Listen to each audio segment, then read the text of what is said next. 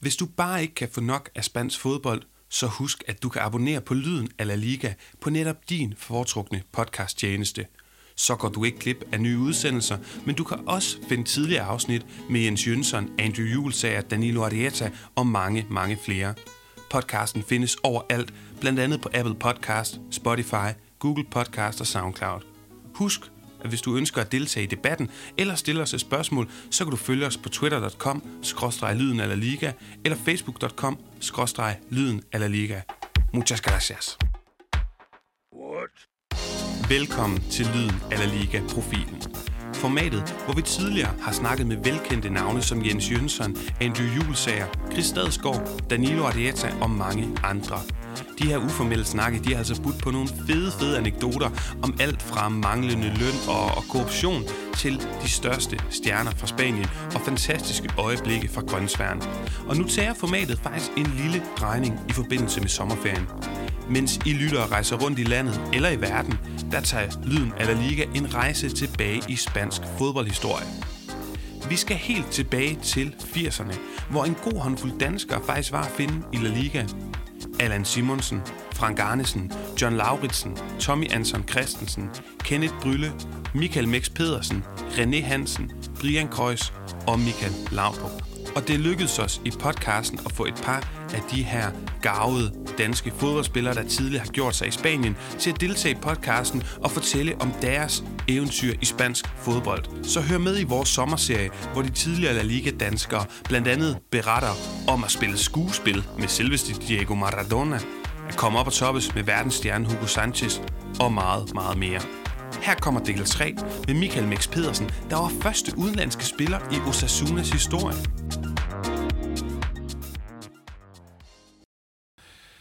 Jamen, øh, Michael Max Pedersen, hvordan var, øh, jeg kunne godt tænke mig at starte med at høre, hvordan fodbolden var forskellig fra, øh, du ankommer i Spanien i januar 1986, hvis jeg ikke øh, tager helt fejl, øh, og så 35 år senere til i dag cirka.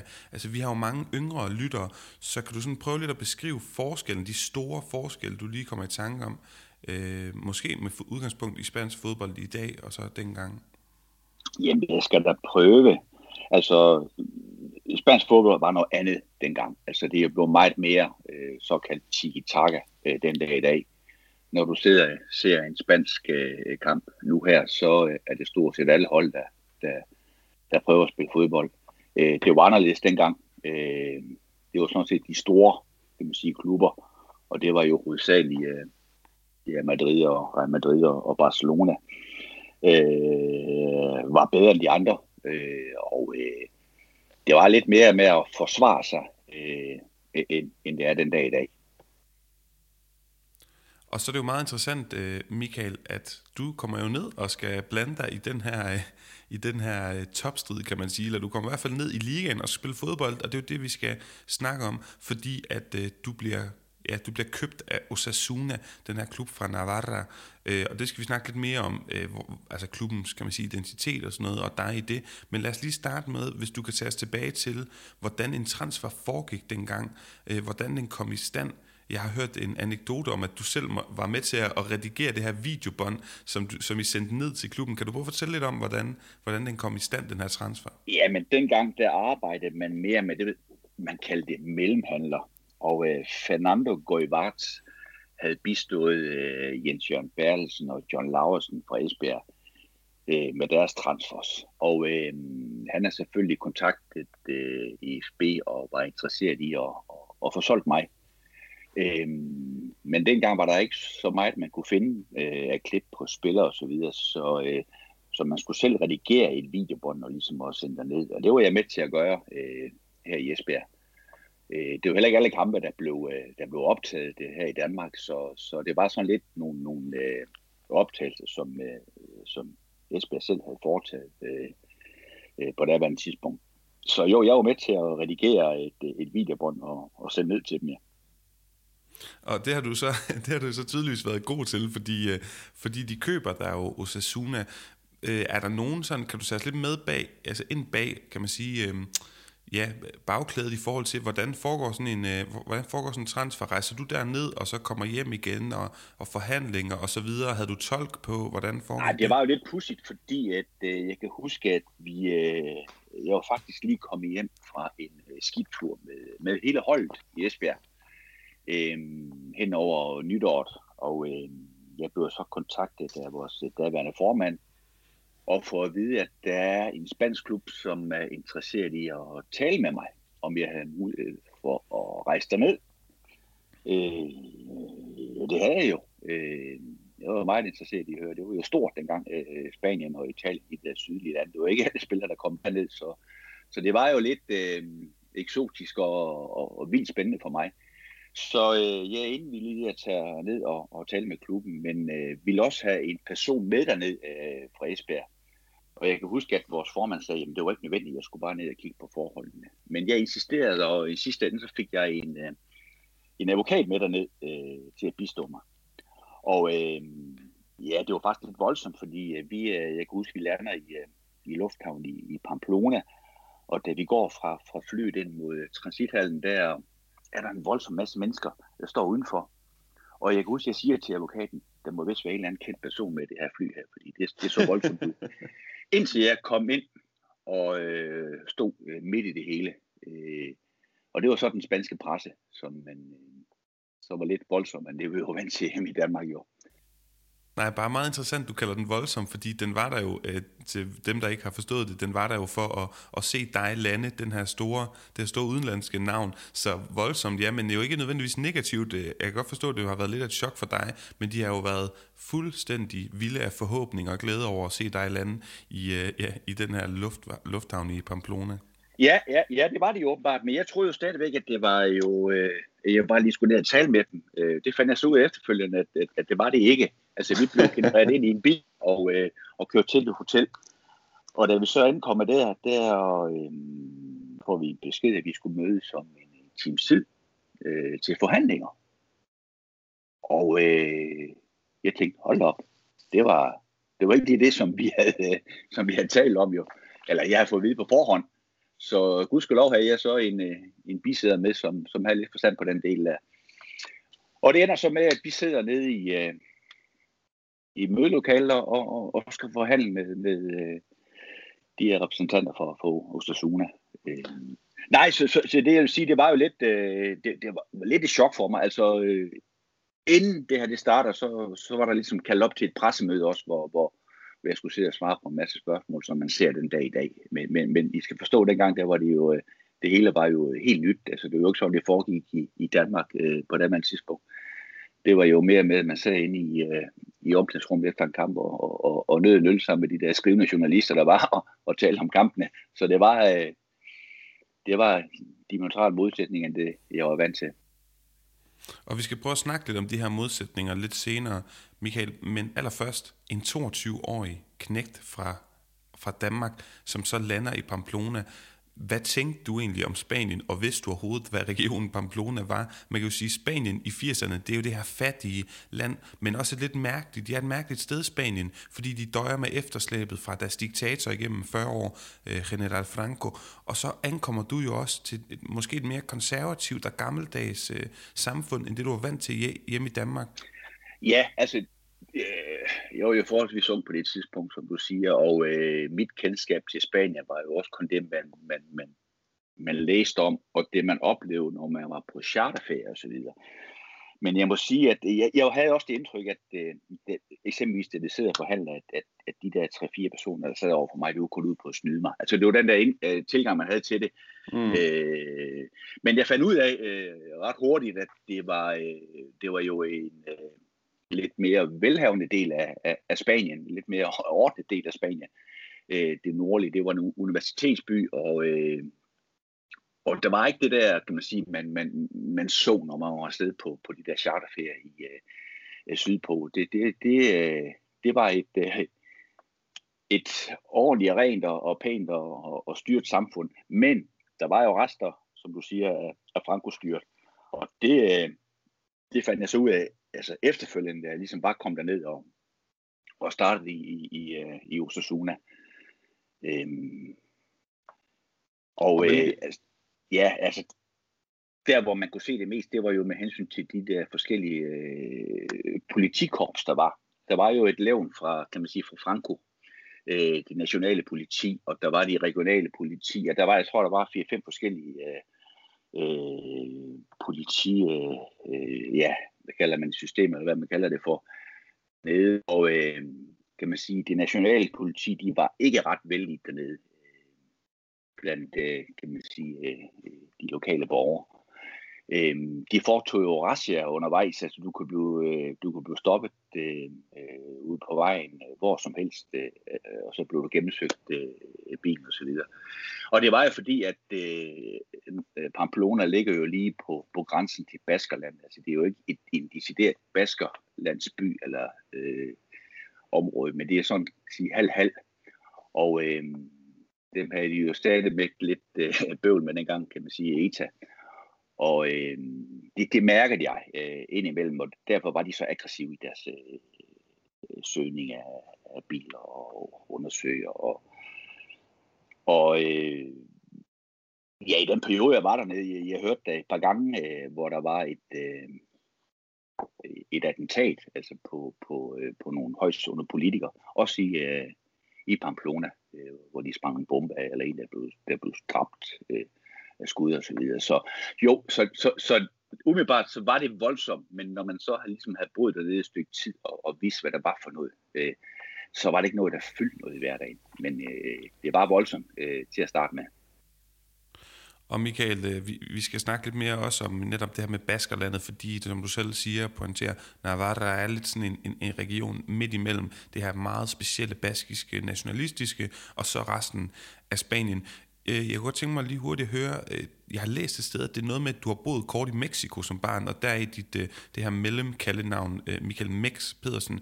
Havde, kunne du bruge lidt spansk dernede, eller hvordan var, hvordan var sprogforholdene? Jeg tænker, det var voldsomt at lande, og så slet ikke kunne forstå, ja, hvad de siger. De var jo, altså Spanien er ikke god til engelsk i dag. Kan vide, hvordan det var dengang i 80'erne? Ja, det var meget svært. Øh, jo, jeg har boet dernede som, i Mexico som barn øh, i nogle år. Øh, min far arbejdede derovre, men jeg var øh, syv år, da jeg kom til Danmark. Øh, så, så selve sproget var jo parkeret et eller andet sted øh, dybt bagved. Så, så, øh, så det var ikke fordi, jeg, kunne spansk. Øh, der, hvor jeg ligesom havde min fordel, det var ligesom, når jeg skulle udtale nogle øh, spanske gloser og sådan noget. Altså, og selve udtalelsen var, var okay. Men selve sproget, det, det, det var forholdsvis nyt for mig. Det var det. Og det var en udfordring. Altså, jeg har stået øh, i en slagterbutik og sagt mu og bag og for, for at bestille noget kød og styre. Ja, som alle mulige andre, ikke også? Øh, så jo, det var, det var, en, det var en kæmpe udfordring. Øh, der var en, øh, en ung spiller, øh, Iñaki Banjes, som, øh, som, som tog sig lidt af mig i starten. Han kunne, øh, han kunne lidt engelsk, og, øh, og så kunne vores daværende træner, Ivan Brisic, han kunne lidt tysk. Øh, så så det, det var den måde, jeg kommunikerede på øh, i, i den første stykke tid dernede. Mm, interessant. Og, og det er jo det her med, at du kommer fra Esbjerg som den eneste udenlandske transfer. Ikke kun øh, ja, den januar, øh, den januar måned i, i, i 1986, men altså i hele klubbens historie. Og der kunne godt tænke mig, at lytterne lige prøve at tænke, hva, altså, hvor vildt det egentlig er. Fordi dengang i Spanien, der måtte du maksimum have to udenlandske spillere. Det var enormt stort i spansk fodbold. Hvilke to udenlandske spillere brugte man hver sæson? Hvilke kunne man hente? Og det var oftere end, øh, ja, det var mere reglen end undtagelsen, at de to tegnede de her klubbers sæsoner, især i Real Madrid og Barcelonas tilfælde. Øhm, og så kommer du ned til Osasuna, og du er den eneste udenlandske spiller, og du er også den første udenlandske spiller i klubbens historie. Michael, der må have været en form for, for øget pres, eller du må have oplevet at have en, en ret speciel status i den her klub. Måske også en lidt problematisk en, hvor nogle af fansene ikke har, har ville, kan man sige, acceptere, at, at du er kommet og brudt med den her øh, meget lange, jeg tror det var over 60 år lange tradition, Osasuna havde haft med, med det her. Ja, altså, øh, jeg vidste jo ikke, da jeg kom derned, at jeg, de ikke har haft en udlænding tidligere, og det fandt jeg så ud af. Og det var klart, at der var øh, voldsom hype omkring mig som, øh, som person og spiller, fordi jeg var udlænding. Men, men, men selve presset øh, mærkede jeg ikke. Altså jo, det er det pres, der er på en fodboldspiller. Øh, og øh, der er der også et pres, at, øh, at, at du kommer som udlænding øh, og skal øh, kunne præstere. Men jeg synes ikke, jeg mærker nogle fraktioner i, i, i blandt klubbens fans, som, som var imod øh, det overhovedet ikke. Altså tværtimod, så synes jeg at faktisk, at jeg havde et, øh, et fint forhold til deres fans. Øh, øh, jeg tror, at den måde, jeg spillede fodbold på på det her tidspunkt, var, var noget, som de kunne lide. Så jeg blev egentlig sådan, kan man sige, forholdsvis populær blandt fansene øh, mere end jeg nok var blandt øh, ved træneren. Så, så, så, så, så lige nøjagtigt omkring fans, det, det, det, det mærker jeg sådan set ikke, heller ikke rundt i byen. Øh, men, Men det var da stort, ja, at, at der kom en udlænding. Ja, det, og det er jo det, Michael, fordi jeres præsident her, øh, Fatmine Escura, han henter, han henter dig jo som første udlænding, som jeg siger, og han siger, øh, at det er i manglen på mål, og så gør han ligesom op med den her faste politik om selvforsyning. Og for lige at tage lytterne med, det er her, hvor fordi den her region Navarra, den, den øh, grænser op til Baskerlandet, så har de haft i mange år den her, altså Osasuna, den her klubpolitik, der simpelthen minder øh, meget om den Atletic Klub stadigvæk kører, altså ikke udenlandske spillere. Og så kan man sige, øh, jeg har fundet en gammel avisartikel fra øh, Navarra i jan, fra januar 86, hvor du kommer, hvor han fortæller klubpræsidenten her, at det er la circunstancia som mandan, altså det er omstændighederne, der bestemmer, og man skal gøre, hvad man kan for at salvar øh, la permanencia, altså at, at kunne overleve. Og derfor så henter han dig. Og du er også citeret i den her artikel. Det er ret fedt. Det, det synes jeg er fedt at, at finde, hvor der står, at øh, dit, din opgave det er at lave mål, og du skyder, øh, kan man sige, hurtigt prompte med begge ben, og du kan også hætte rigtig godt. Du er en god teknisk spiller, og du kan godt lide at arbejde for holdet. Er det, øh, kan du huske de her udtalelser? Er det, en, en ret, retmæssig måde at beskrive dig som fodboldspiller på? Ja, det ved jeg ikke. Det er nok taget ud af en anden sammenhæng. Altså, det er jo en sp- spanske presse, som, øh, som nogle gange selv lægger øh, øh deres egen ord i, øh, i sådan et interview. Øh, nu er det så mange år siden, men øh, generelt øh, er jeg nok en, en, en, en ydmyg person, og det øh, var jeg dengang, og det er jeg stadigvæk, så, så jeg kunne ja, jeg ved ikke, hvad jeg har sagt, men, men de har nok spurgt til, hvad, hvad, hvad jeg kunne, så, så jeg kan ikke huske det der. Det kan jeg ikke. Men det er jo meget interessant, øh, at, ja, at man kan finde det her. Det synes jeg var super fedt, øh, Mia. Man kunne, man kunne simpelthen finde det her. Øh, jeg kunne godt tænke mig at høre, i Danmark, der var man jo semiprofessionel. Du nævnte før, at der kunne man sidde og drikke en øl i, i omklædningsrummet med journalisterne. Du siger til din præsentation, at du er kommet ned til Osasuna for at blive fuldtidsprofessionel. Hvordan mærkede du de her store forskelle fra at spille hjemme i Danmark til så nu at spille i, i hvad der på det, det her tidspunkt måske var den stærkeste liga i verden? Det er jo klart, at øh, ja, på det første så er det jo at skulle, øh, skulle spille fodbold hver dag. Altså det var jo det var en omvæltning at, at skulle træne dagligt. Øh, en fysisk omvæltning, som jeg skulle igennem. Men øh, det, det, det sværeste, det var jo nok, at du kom jo ned til nogen, som er vokset op med den del. Det var jo et job for dem, hvor kan man sige, at jeg kom jo som en hobby øh, fodboldspiller, og øh, det var ligesom glæden, der skulle det, det drev det øh, i høj grad, og det kunne jeg godt mærke, at jeg kom lige til nogen, som, øh, som skulle have øh, smør på brød, øh, som de stort set selv sagde, øh, når de ligesom vandt en kamp, og der var noget bonus. Altså, den der, den der altså, livsstil øh, var det sværeste for mig og, mm. og ligesom mm. at, at, at, at komme ind i.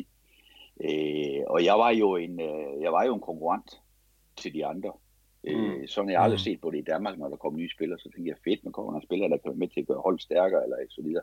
Men dernede, der var jeg en decideret konkurrent til, øh, til spillerne, og det, øh, ja, og det er jo, øh, det kommer jo til udtryk på mange måder. Ja, og hvis vi snakker lidt om den her spillertrup, øh, hvilke, jeg har været inde og undersøge, altså der er faktisk et par, et par ret legendariske navne i den spillertruppe, du havde, altså de, de folk, du delte omgangsrum med i din halvanden år i Osasuna, blandt andet øh, Javier Aguirre, som er, har haft en stor trænerkarriere, Michael Robinson, der desværre døde, øh, irlanderen, som øh, har haft en kæmpe betydning for måden at formidle spansk fodbold på øh, i, i mange år efterfølgende. Og så en, en, mand, en mand, der måske er en lille smule undervurderet i, i, i øh, spansk fodbold, det er ham her, Unzue, som øh, desværre lider af en træls sygdom, kom frem for et par år siden i Spanien, men altså assistenttræner til, øh, til jeg mener, det var Luis Enrique på et tidspunkt i, i, i Barcelona, og hvis, hvis også Celta Vigo og Roma. Øh, så altså et par store navne. Hvem husker du øh, bedst tilbage på? Jamen altså, øh, Unzue var jo, øh, var jo ung dengang, han var yngre, når, øh, end jeg var, øh, og var ikke øh, førsteholdsmålmand, da jeg kom derned. Øh, han blev det, øh, tror jeg, lige inden jeg rejste øh, i meget ung alder. Øh, hvorimod de andre to, du nævnte, øh, Ageri, så kom jo til, efter jeg var der, så øh, selvfølgelig snakkede jeg en del med ham. Øh, og det er jo faktisk en sjov, øh, også en anekdote, at øh, Javier Ageri, han kom jo fra Mexico City. Og i den store by viste sig, at vi har boet på nøjagtigt den samme gade. ja, boet i Mexico. Det var godt nok lidt større vej, men alligevel, så det var, det var meget pudsigt. Ja, det er da vildt. Øh, ja, ja, det er faktisk lidt vildt, ja. Og, øh, men han er jo selvfølgelig han er jo familie med øh, dernede, så, så ham så jeg ikke så meget til, øh, ud over altså uden for fodbolden. Øh, men derimod Michael Robinson var jeg meget sammen med. Øh, øh, jeg tog mig en del af ham, han kom i starten, og øh, han havde også en, øh, en kone med, men hun øh, havde en del hjemme, så hun var hjemme der halve tiden. Så jeg brugte meget tid sammen med, sammen med Michael øh, i den tid, øh, jeg var sammen med ham dernede. Han kom jo, han kom jo fra Liverpool. Øh, Michael, havde I, havde I et forhold, kan man sige, i årene efter op til hans... Øh hans, desværre til hans død? Nej, altså det, det smuldrer jo hen ad, hen ad vejen. Altså øh, lige årene, kort efter, øh, var der lidt kontakt med Men som, som tiden gik, så, øh, så æbbede det, det ud. Øh, og ja, jeg var meget ked af at høre, at han, han, han døde sidste år. Mm, øh, en, ja, en fantastisk person. Altså virkelig en personlighed, som jeg, jeg lærte utrolig meget af. Og jeg lærte også meget der med hensyn til selve fodboldspillet, fordi øh, Michael var jo en, øh, havde jo haft en, en fantastisk karriere i, øh, i England, og var irsk øh, landsholdsspiller. Og den måde, han spillede fodbold på, øh, det var jo en spiller, som... Øh, øh, man snakker meget om det der, hvad, hvad, hvad folk de kan, når du træner teknisk og sådan ting. Han kunne sgu ikke, øh, de spiller, kunne ikke få tre på en fod. Men hvis du stod 5 meter fra ham og klædte en bold ind i brystkassen på ham, så bum, så lå den ned foran fødderne på Så det var sådan meget anvendt teknik. Altså det, det er virkelig, der, og derfor man skulle respekt for, for, for, for håndværket, kan man sige, øh, sådan nogle type spillere der.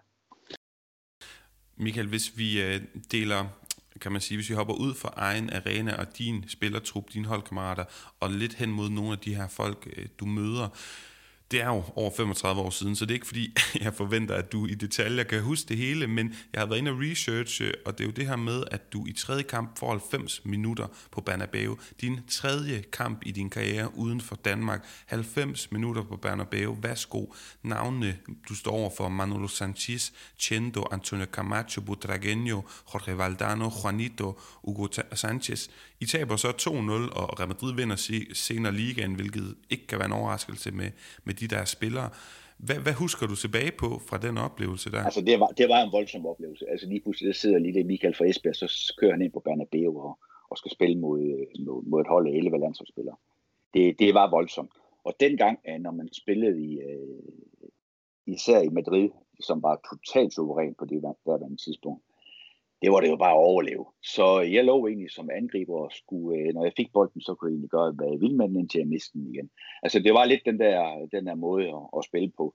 Jeg skulle spille over for Camacho, og Camacho var jo indbegrebet af en hård hund. Altså det var jo øh, det var en spiller, jeg, havde, jeg var vokset op med øh, på tv. Øh, og ham står du lige pludselig over for øh, inde på Bernabeu. Så det, jo, det, det, var en, det var en voldsom oplevelse, men det var også... Øh, ja, det var faktisk vildt imponerende at se den måde, de spillede fodbold på. okay, ja. Jeg stod meget, jeg stod meget og, og, og betragtede, kan man sige, deres, deres evner, ikke også?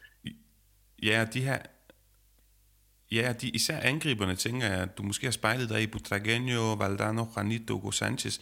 Kan du sådan huske, at en, altså, om der var en af de her folk, der var mere et forbillede for dig, eller hvor du tænkte, hvor du havde mere, kan man sige, var mere starstruck, så man tænkte, ham der, ham står jeg på banen med lige nu? Ja, sådan tænkte jeg sgu ikke over. Det var mere de der, som du har fuld, altså, dem du spiller over for, kan man sige. Især Camacho, okay. det, var, det, det, synes jeg, det var faktisk det mest, mest vilde.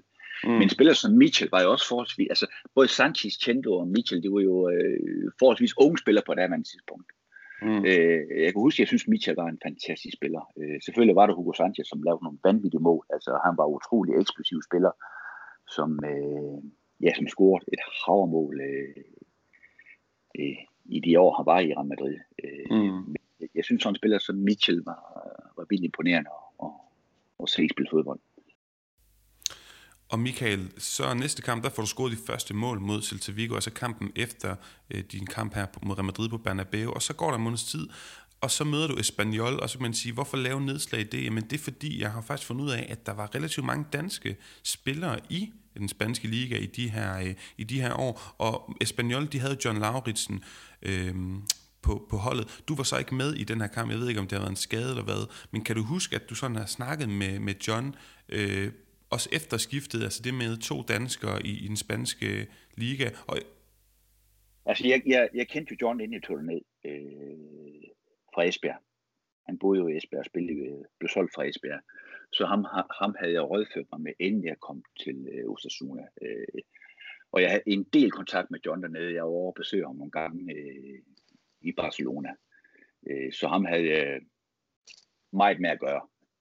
Øh, jo, altså det, det, det var jo John, der, altså John var jo, øh, kan man sige, øh, kongen af Espanol. Det, det er nok ikke for mig sagt. Han havde jo en karriere på 10 år dernede, og han var virkelig øh, en spiller, som der var respekt omkring. Så, mm så, jo, uh, ham brugte jeg meget uh, tid sammen med. Både telefon og privat, ja.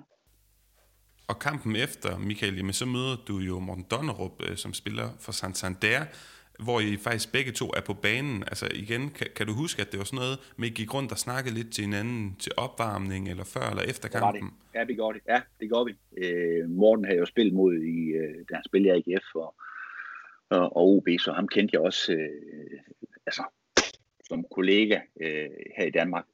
Jo, øh, det, det brugte tid på hinanden, også efter kampen øh, sad vi der og snakkede i en times tid og sådan noget, inden de skulle afsted.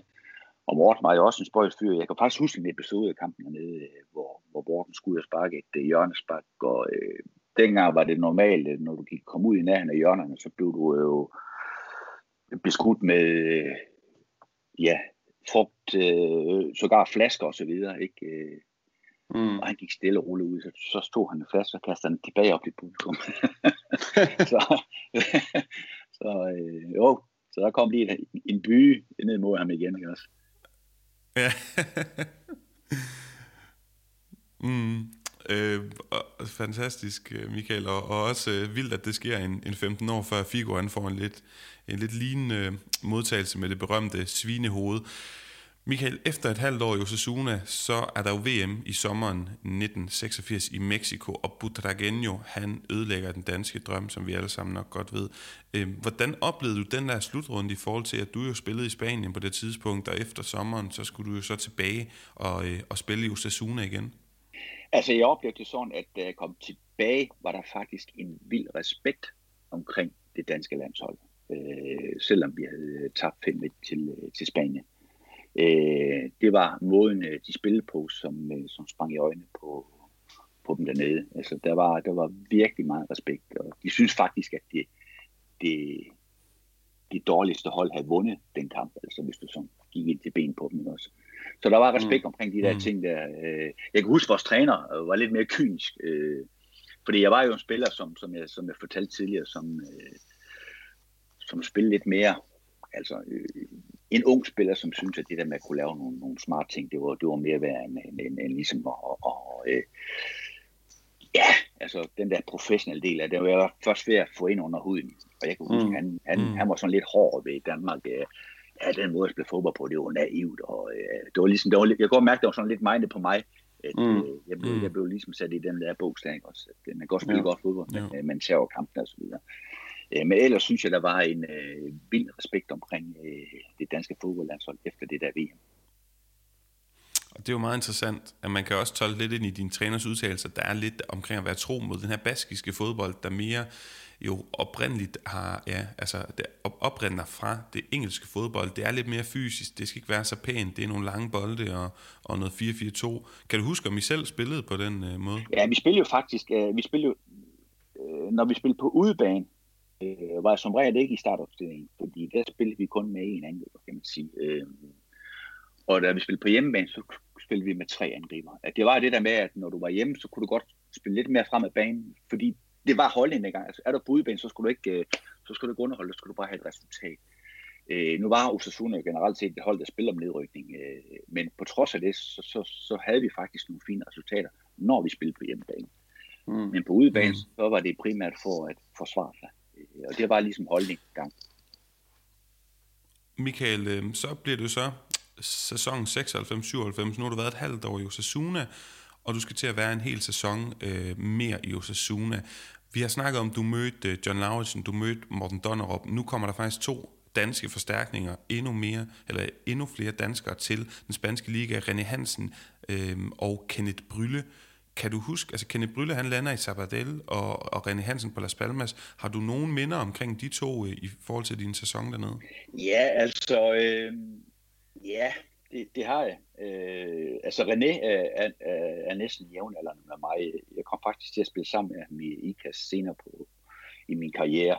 Øh, jeg snakkede med ham, da vi skulle spille ned på Las Palmas og, og så videre. Øh, så ham, øh, jeg vil sige, jeg havde ikke kontakt til, men, men jeg, jeg, du taler med dem, når du møder ham. Kenneth Bryller var jeg ikke øh, rigtig i kontakt med, øh, som sådan. Øh, mm. Mm. Heller ikke, da vi... Øh, jo, jeg kan huske, at, og det er jo sådan lidt forskellen på, på en ydmyg vestjyde og en, øh, en lidt frækker, kan man sige, sjællænder, at dengang, når man skulle... Øh, når der kom nogle artikler i, for eksempel i Ekstrabladet eller BT efter kampen, øh, så var det ofte øh, beregnet på spillerens egne udtalelser. Så mm. Øh, mm. de kunne ringe til mig og spørge, hvordan gik det i weekenden, og hvordan spillede du, osv. osv. Øh, og Kenneth Brylle, han spiller altid fantastisk, jeg og det er jo måde at sætte sig selv. Og det har jeg også lært mig af. Altså, det, det, efterfølgende, det, det, det, gjorde jeg jo ikke. Jeg var sådan, ah, det var sgu ikke så, det var, det var ikke den bedste kamp og så videre. Ikke? Altså, og jeg kan nemlig huske, at vi spillede på Sabadell på, på hjemmebane, hvor han var med, og øh, ja, du så ham stort set ikke hele kampen, men øh, dagen efter avisen, der har han jo spillet en fantastisk kamp. Og, ja, var det godt. ja, det, ja, ja. Men det er også en del af gamet, ikke også? Øh, jo, det, naturligvis. Det, det, var han dygtigere til, end jeg var. Michael, det, det, den her sæson 86-87, den huskes blandt andet for at være den længste sæson nogensinde i spansk fodbold. I var 18 hold i rækken. Efter 34 kom, kampe, så har, vælger man at inddele jer i tre grupper. Top 6 isoleres i gruppe A, 7-12, øh, 12. Øh, Pladsen gruppe B, og så resten i gruppe C, hvor Osasuna er med. Og nu skulle I til at spille i de her små grupper hjemme og ude mod de øvrige fem hold, og det ender altså på 44 La Liga-kampe, hvor vi jo kender det for 38 i, i de her sæsoner i, i mere moderne tid. Og tanken var, at de nederste tre, de skulle være nedrykkere, ligesom sædvanen tro, men midt i sæsonen, lidt typisk spansk, skal jeg godt tillade mig at kalde det, men så beslutter man at udvide Primera og Segunda Division, så der kommer øh, ja, fra 18 til 20 hold, og så, så skulle de tre nederste lige pludselig øh, i sådan en playoff med de tre bedste fra Segunda. Alt var meget nyt. Jeg tænker, det har været meget kaotisk, og I er kun tre point fra enden i den her nedrykningsplayoff. Kan du huske det drama?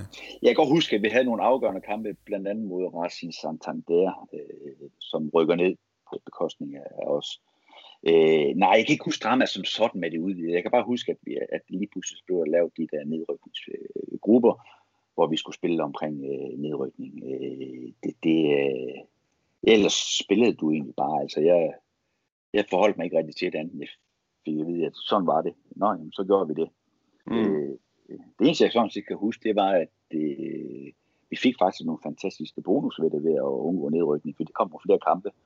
Og øh, så blev bonusen hævet, hvis vi klarede øh, frisag. Så, øh, så på den måde, så kunne jeg, så kunne jeg da mærke på pengepunkten, at, øh, at, det var, at det var nogle vigtige kampe, kan man sige, ja. at vi, at vi overlevede.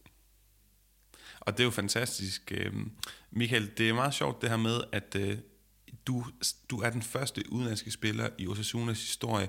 Du bliver købt med det her incitament og det her argument for, at vi skal simpelthen overleve. Og det ender jo så med, du tager retur til Danmark som 24-årig, hvad, hvad var din tanke om den her retur til Danmark? Skulle du bare hjem? Var, havde du brændt nalleren lidt på Spanien? Eller synes var det for svært i virkeligheden? For det er jo heller ikke fordi, hvis vi skal være ærlige, at du får lavet bunkevis af mål i, i, i, i halvandet år i Osasuna. Det var, det var en hård tid, kan man sige. At, som sagt var det den store omvæltning fra at gå fra fyraftensprof til fuldtidsprofessionel i Spanien.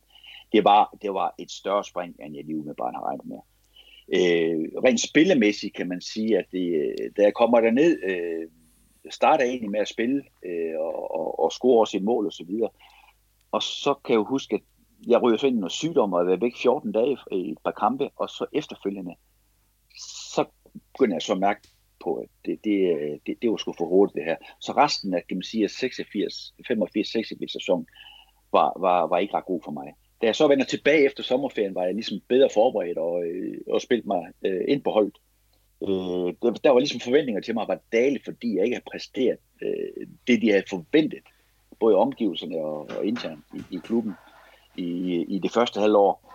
Øh, men, men starter fantastisk op i, i træningskampen og, og, og er med i de fem første kampe og, og spiller faktisk øh, okay. Men jeg kan huske, at jeg tror, at vi spiller enten spiller vi alle fem uger, eller spiller vi fire kampe uger og taber den femte. Og så, øh, og så fyrer de træneren, og så er det en, øh, en af vores egne Sabaletter, tror jeg han hed, som overtog. Og, øh, og der kan jeg huske, der kom Goy Gutierrez ind og spille, og jeg kom ud. Mm. Der skete ligesom det der skift der. Og så, øh, og så blev det kun sådan noget altså bænke og indskiftning. Og det, jeg mistede sådan lidt mod, for jeg skulle spille fodbold. Altså jeg var ung, og det var også hovedårsagen til, at jeg, øh, jeg tog tilbage til Danmark. Jeg ville skulle til at spille noget fodbold igen. Når, øh, Mm. For jeg havde jo en klausul i kontrakten, at jeg, jeg kunne fortsætte to år mere. Men øh, jeg, ville, øh, jeg ville hjem og spille fodbold igen. Færre nok, Michael. Et par sidste, et par sidste spørgsmål. Vi har snakket om Real Madrid, men du siger også selv, at Barcelona, at det var jo de to store klubber øh, i den der periode. Hvis vi kigger på det her Barcelona-hold, som, som ligesom er der, mens du er i Spanien, så er det blandt andet i 86-87 sæsonen, henter de Gary Lineker og Mark Hughes, og Lineker, han har scoret 20 sæsonmål. Det er jo rigtig flot. Det er så ikke nok til at, at slå, slå Hugo Sanchez. Jeg mener, han laver 34 i den sæson. Men han, øh, det er altså en Gary Lineker, som er vist topscorer, og han er blevet topscorer til VM i Mexico her om sommeren. Hvordan husker du det her Barcelona-hold? Noget du har spillet mod dem, og, og ja, hvordan husker du dem? Jamen, altså Barcelona var jo ikke... Øh, de kæmpede lidt med på det andet tidspunkt. Altså, der var et Madrid, som var fuldstændig suveræn i, i de år, jeg var dernede. Og i sæsonen, jeg kommer derned, der var det faktisk Bernd Schuster og jeg tror, det var Steve Archibald, der var det udlændinge. Øh, og dem skiftede de så ud med Gary Lineker og Mark Hughes. Øh, og Gary Lineker øh, var en målmaskine, og scorede selvfølgelig også kontinuerligt. Men Barcelona, de kæmpede lidt med det. Altså, øh, uden at kunne huske det helt, så tror jeg faktisk, de var, de var efter Madrid øh, klart i, i de her sæson, sæsoner, jeg var dernede. Øh, så øh, det, var ikke, øh, det var ikke det Barcelona, vi kender, kender den dag i dag, mm. øh, som fungerer på det tidspunkt. Jeg tror endda, at vi, øh, jeg kan ikke huske, om det var en øh, turneringskamp eller en pokalkamp, vi vinder over Barcelona også. Øh, jeg tror faktisk, at øh, jeg tror ikke, jeg var med til at tabe. Ja, nu, nu skal jeg ikke, øh, øh, jeg kan ikke huske det, men, men øh, mod Madrid øh, øh, havde vi ikke rigtig noget at gøre imod. Øh, så var mm. Barcelona til at tage føle på, når vi spiller mod dem på hjemmebane. Mm. Jamen, øh, Michael, til allersidst skulle jeg godt tænke mig at høre, at jeg har sådan en fascination, det tror jeg, vi mange, der har, for, for æstetikken og fodboldtrøjernes udseende i 80'erne. Hvordan, øh, har, har du stadig en Osasuna-trøje liggende fra, fra din uh, tid nede i, i klubben, og står der Pedersen bagpå? Hvad for et rygnummer, hvis, hvis det var sådan, det fungerede? Nej, de, på det her tidspunkt havde vi ikke navn på, navn på, på, på ryggen. Øh, så øh, jeg tror, jeg spillede med nummer 9. Øh, jeg, har, jeg har ikke øh, nogen trøje liggende. Jeg har en lille mini-udgave af en trøje liggende. Øh, det, jeg kan huske allermest, det var jo, at øh, vi havde faktisk ingen reklame på bryst. Det gjorde man ikke øh, på det andet tidspunkt. Øh, Osasuna var jo sammen med, jeg tror, Barcelona og Bilbao, ejet af Socios, altså det var medlemmerne. Øh, mm. Mm. Og øh, derfor spillede vi uden reklamer øh, på brystet. Jeg tror faktisk, det ændrer sig.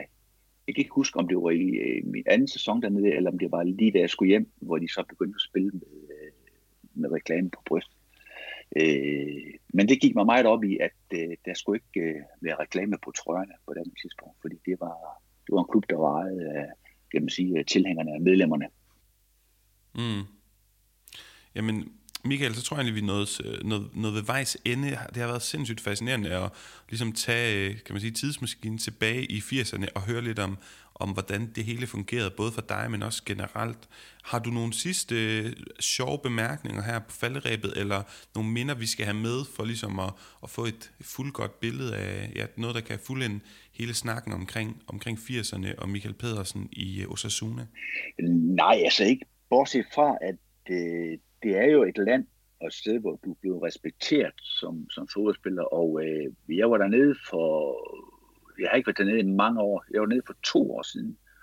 Og øh, selvom man er blevet de der år ældre og øh, får lidt grå, grå hår på toppen, så, øh, så kunne man blive genkendt med respekt. Øh, og det, øh, det er ikke noget, man er vant til, når man går færdes rundt i, kan man sige, i Danmark øh, som sådan. Det, det, det, er mod, det er næsten den modsatte holdning.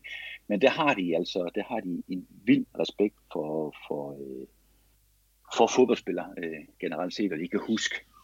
Du bliver husket uanset om du har spillet 70 kampe og lavet 30 mål, eller om du har spillet øh, 20 kampe og lavet 3 mål. Altså det, det, det har de respekt for dernede. Så det, øh, det, er, meget, det er egentlig meget fascineret af, at øh, de har den holdning til tingene.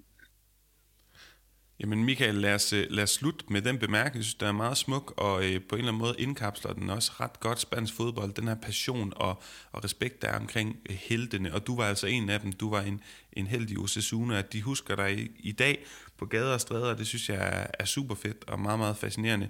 Så Michael, tusind tak, fordi du tog dig tid til at snakke lidt her i Lyden af La Liga om, hvordan 80'erne var i ligaen, som vi elsker så meget i dag. Tak for det.